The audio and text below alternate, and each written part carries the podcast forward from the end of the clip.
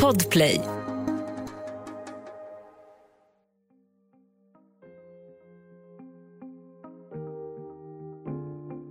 Han är världsartisten som aldrig slutat turnera och som stått på de största scenerna i hela världen. Så varför skulle Bob Dylan ens komma på tanken att spela på en grusparkering i Luleå? Men det gör han 1992. En spelning som vissa idag minns som ett klassiskt fiasko, andra som en succé. Men artistbokaren Kerstin Lundstedt tänker tillbaka på helt andra saker än själva musiken. Som att gaget betalades i en väska med kontanter och alla de dubbelgångare som Dylan hade med sig. Du lyssnar på Jag var där av Andreas Utterström och Mattias Bergman. I den här säsongen jobbar vi också med Lisa Wallström. Nytt avsnitt varje onsdag om du inte lyssnar i Podplay.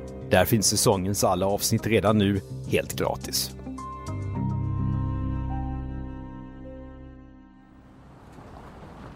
Stålstaden Luleå är känd för sin malmhamn och stålindustri. Men också för den misslyckade Stålverk 80-satsningen och hög arbetslöshet.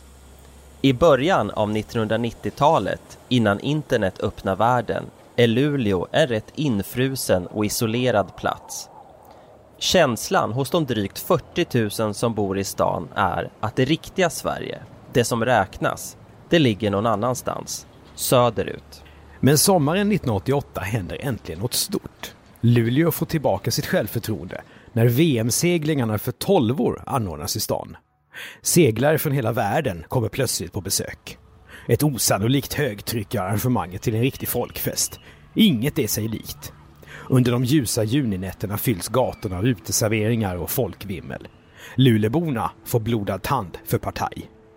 Och det ger Lulebon Thomas Lind en idé. Att arrangera den återkommande sommarfestivalen Sjöslaget.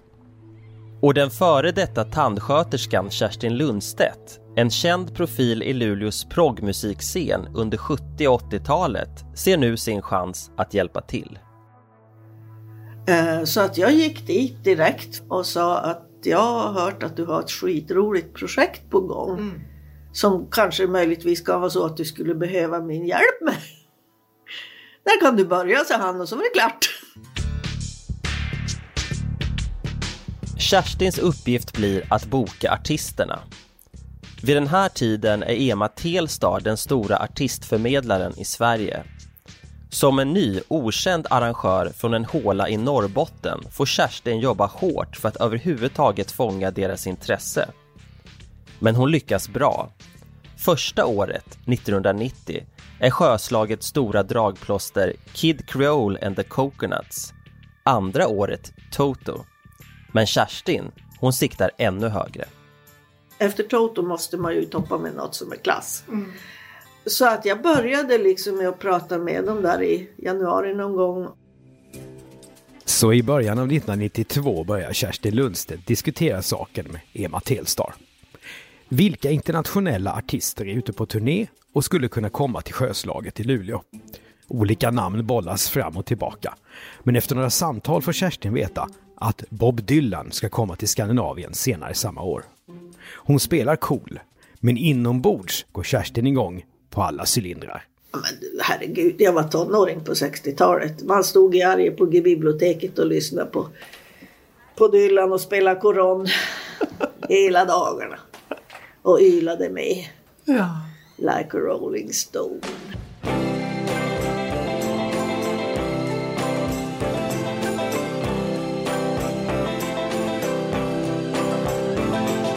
Once upon a time you dressed so fine. Jo, jag var ju enorm Dylan-fantast då. Så att för mig var det ju lite så här overkligt att det skulle bli av.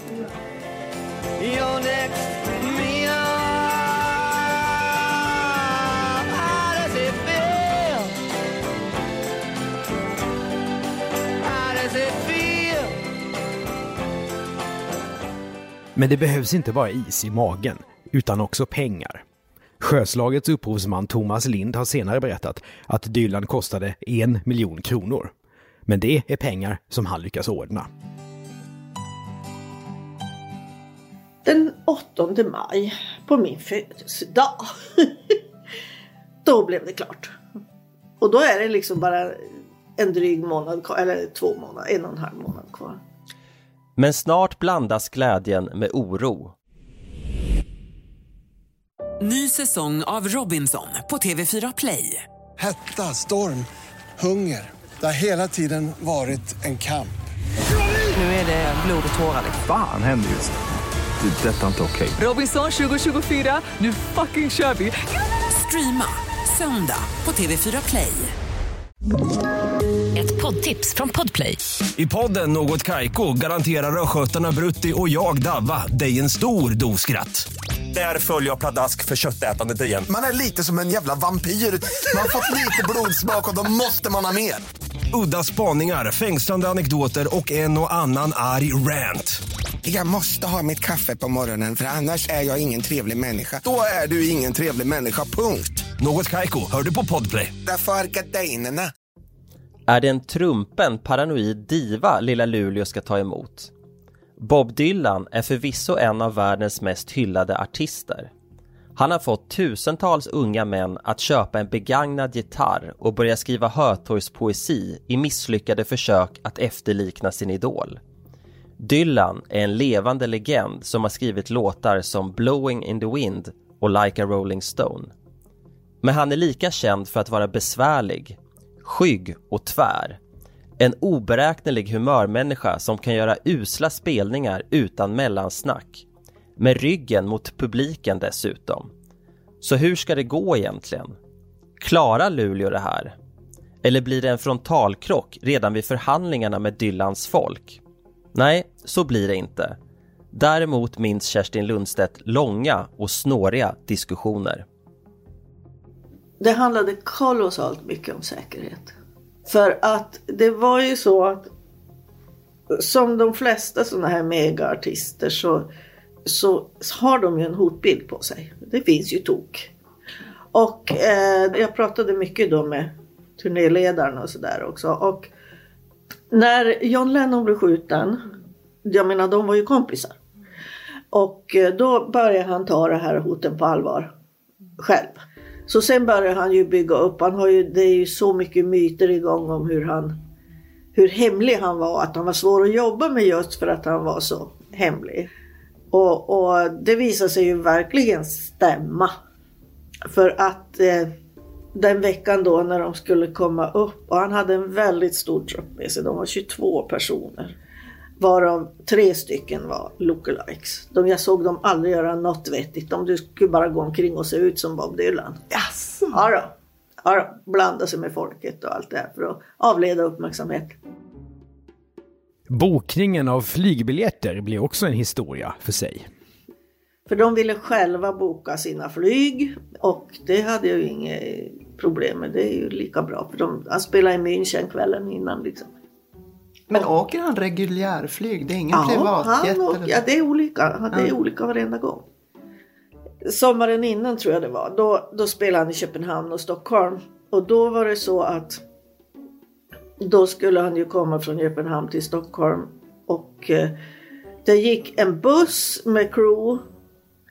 Eh, det var bokat flygbiljetter.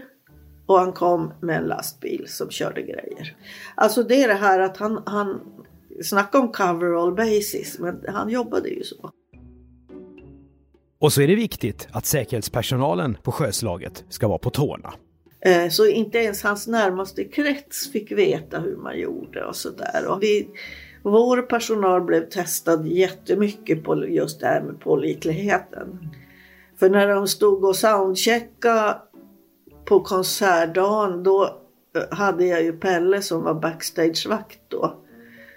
Eh, och han är ju stor och stark och, och ser imponerande ut allt det här. Han har ju tränat boxning. Mhm. Pelle... Pelle Lind. Det var ju så, man jobbar ju med alla sina kompisar. Så man vet att de här håller. Och då var det så att då fick han order av turnéledaren att ställa sig längst ner på trappen. För scenen var ju hög på baksidan. Och inte släppa upp någon. Så han ställde sig längst ner på trappen och så kom det springandes en tjej från logen. Med något klädplagg. Så sa, han, måste, han måste prova den här, den har gått sönder. Och han Pelle, nej. Han släppte inte upp henne. Och då, då kom turnéledaren ner och så flinade han och så sa han du är godkänd. För det var ett test, alltså det var hon som jobbade med deras kläder helt enkelt. Som hade det här jobbet att ifrågasätta. Så kommer då dagen när världsstjärnan ska landa på Kallax flygplats i Luleå. Kerstin åker dit för att möta Dylan. Någon välkomstkommitté med kommunalrådet är det inte tal om. Det var bara jag och en minibuss. För att det var ju också så här, de ville ju att det skulle vara diskret. Men det var ju jätteroligt för vi hade ju media efter mig hela tiden. Så Kallax var ju fullt. Det var ju så mycket folk där så det var inte sant. Folk som hade letat upp gamla skivor för att få signerat och så, och så vågade de aldrig gå fram. Det var ett ungt par som vågade gå fram med en skiva som de hade snott från hans pappa eller vad det var. Så fick de, ja, då fick ju de sina autografer sen. Men annars så, så jag fick gå ut och möta honom i fingret när man går ut till planen. Så att vi hittade varandra eftersom det var så mycket folk. Mm. Så då tog Luftfartsverket det beslutet för säkerheten. Att mm ja, de kom och hämtade mig och så gick jag och mötte honom. Och sen gick vi ut då till, till ankomsthallen och eh, sen stod vi där och väntade liksom. Och så hade vi ju minibussen parkerad där utanför och så. Och så gick vi ut. Och så var det en svans och folk efter och så här råttfångaren från Hameln ungefär. Det var jättekomiskt här. Och han stod bredvid mig och han var dödstrött för att de, han hade ju flugit länge. Och han var liksom lite bakis tror jag. Minsann, det luktade lite rödtjut om han. Eh, och han sa inte mycket. Det gjorde han verkligen inte. Men, men eh, ja, och så tog vi oss till, till minibussen och åkte in till hotellet. Och hotellet har också anpassat sig efter världsstjärnans krav. Och hotellet var ju verkligen hermetiskt till slutet. Det var bara backstagepass som gällde där. Det fanns inget annat. Det var så många lurebor som man var kompis med då. då. Oj, oj, oj vad alla tyckte att jag var jag. Artister brukar ha en rider, en kravlista med sånt som de vill ha i sin loge. Något som ibland kan ge arrangörerna panik. Väggar ska målas om. Någon konjak som inte finns i Systembolagets sortiment ska köpas in. Men här visade det sig att Bob Dylan är lätt att tillmötesgå på den här punkten. Den var så fruktansvärt beskedlig. Det var liksom två flaskor vin och då ska du tänka en trupp på, på 22 personer. Två flaskor vin, en liten mjölk och ett fönster i logen som går att öppna. En liten mjölk? Ja, han drack mjölk. Han kanske ville ha det i kaffet, vad vet jag. Men det skulle vara med mjölk, det var viktigt. Så det var verkligen ingenting konstigt. Alls. Utan, alltså min erfarenhet från den där festivalen där jag verkligen träffade både högt och lågt. Det var ju att är man tillräckligt stor då behöver man inte gorma och krångla utan det är, det är amatörbeteende det här att liksom ha de här knasiga riders med bara blåa M&M's och sånt där liksom. Det, det är sånt man sitter och fyller svamlar ihop när man är sån här ny popgrupp, då kan man hålla på så. Det gör man inte sen. En annan sak som Kerstin Lundstedt aldrig glömmer är när gaget ska betalas. Eh, för det var ju så mycket sånt här som då var knasigt. Så funkar det ju inte idag. Men då var det ju så att man betalade ut gager kontant. Ja, ja, ja. Det var några dumheter som höll på i den branschen. Liksom det, så man satt mitt i natten och, och slantade upp hundratusentals kronor till turnéledare kors och tvärs och sådär. Kontant? Jajamän. Alltså det var så branschen såg ut då. Bakom varje liksom, artisttrupp gick det en sån här turnéledare med, med en, sån här portfölj. Och så skulle det handkvitteras då att de hade fått gaget och sådär. Så man satt ju mitt i natten med ögonen i kors och räknade pengar. Så är det äntligen dags. Det är fredag kväll den 26 juni 1992 och Kenneth and the Knutters har gått av scenen. Klockan 22.37 kliver Bob Dylan upp framför 20 000 förväntansfulla åskådare. Mina damer och herrar, vi välkomnar skivbolaget Columbias världsartist Bob Dylan!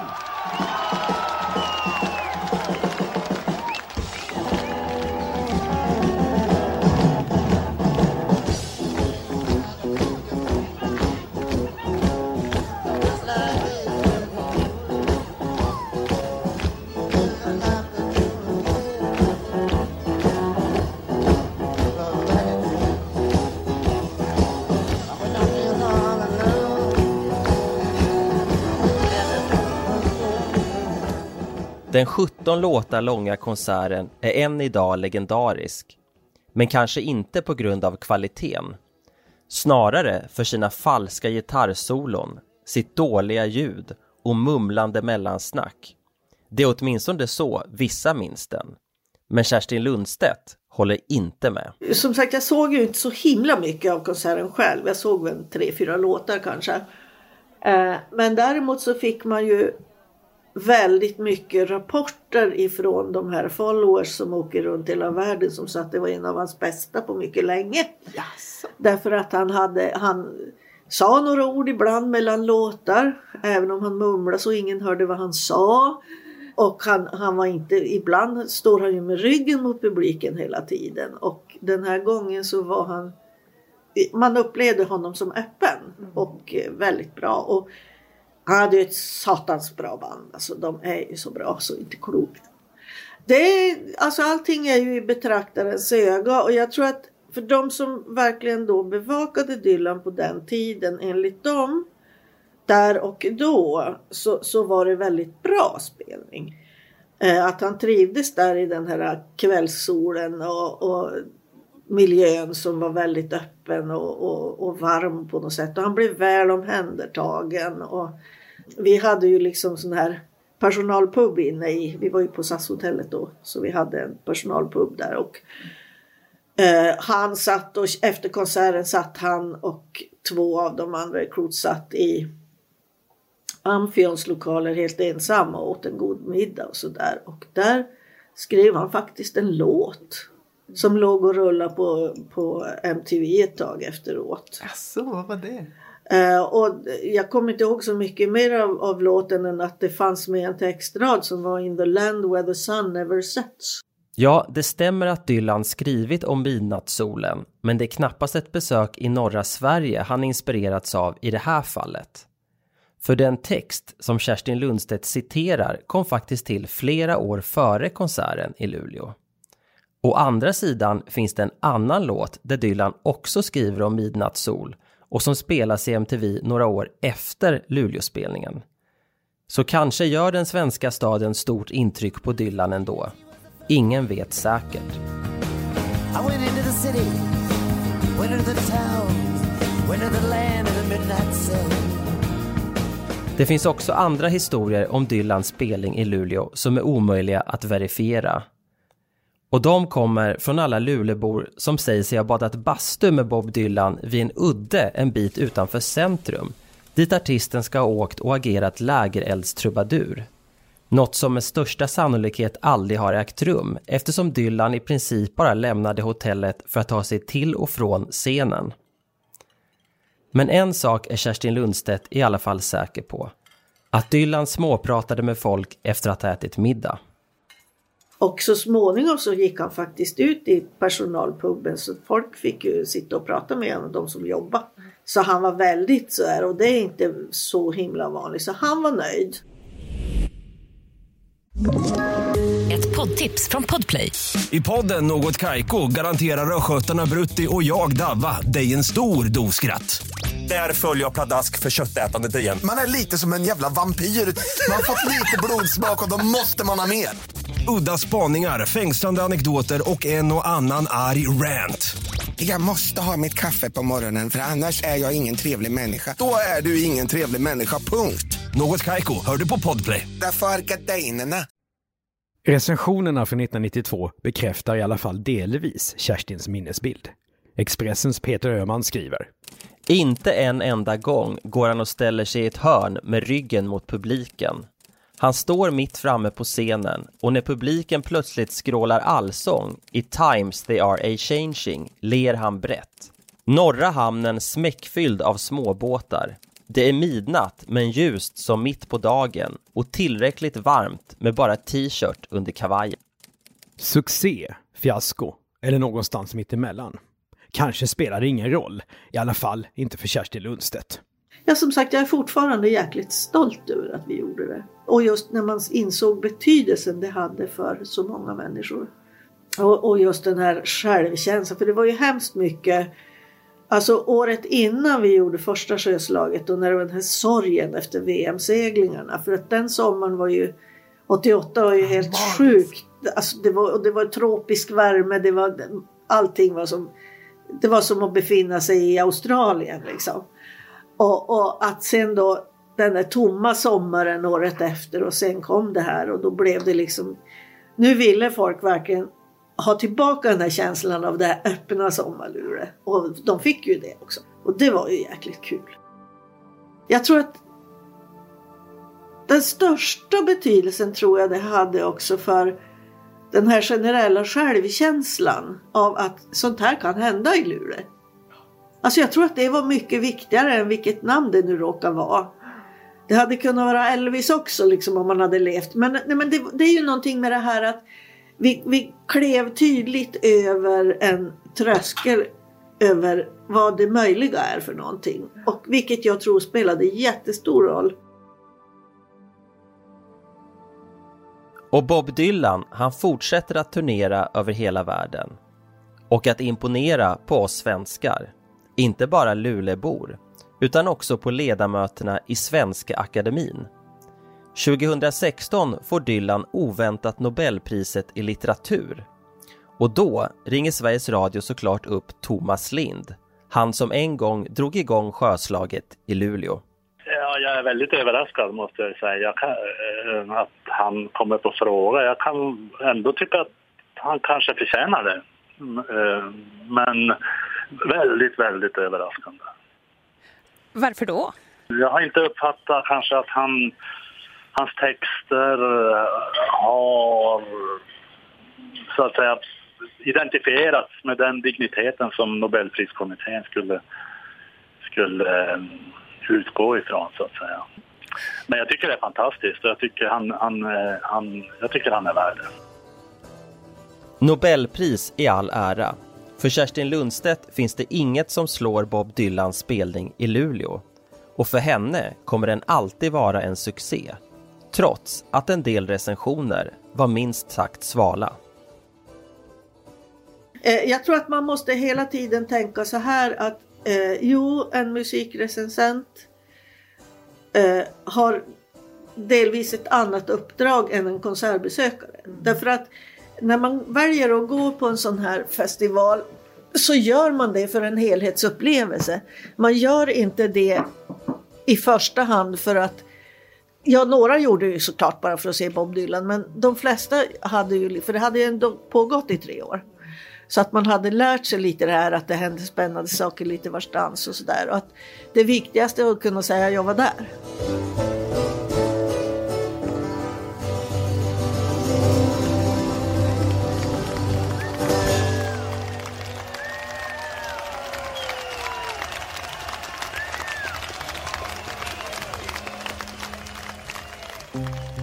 Du har hört Jag var där med Mattias Bergman och Andreas Utterström. Producent Andreas Karlsson. Exekutiv producent för säsongen är Jonas Lindskov.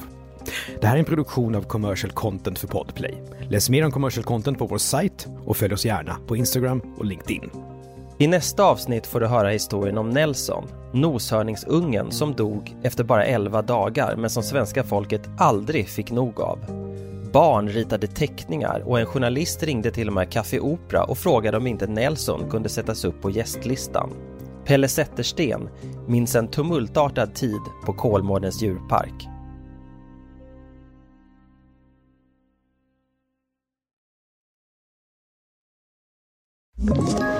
Ett poddtips från Podplay. I fallen jag aldrig glömmer djupdyker Hasse Aro i arbetet bakom några av Sveriges mest uppseendeväckande brottsutredningar. Går vi in med hemlig telefonavlyssning och, och då upplever vi att vi får en total förändring av hans beteende. Vad är det som händer nu? Vem är det som läcker? Och så säger han att jag är kriminell, jag har varit kriminell i hela mitt liv men att mörda ett barn, där går min gräns. Nya säsongen av Fallen jag aldrig glömmer på Podplay.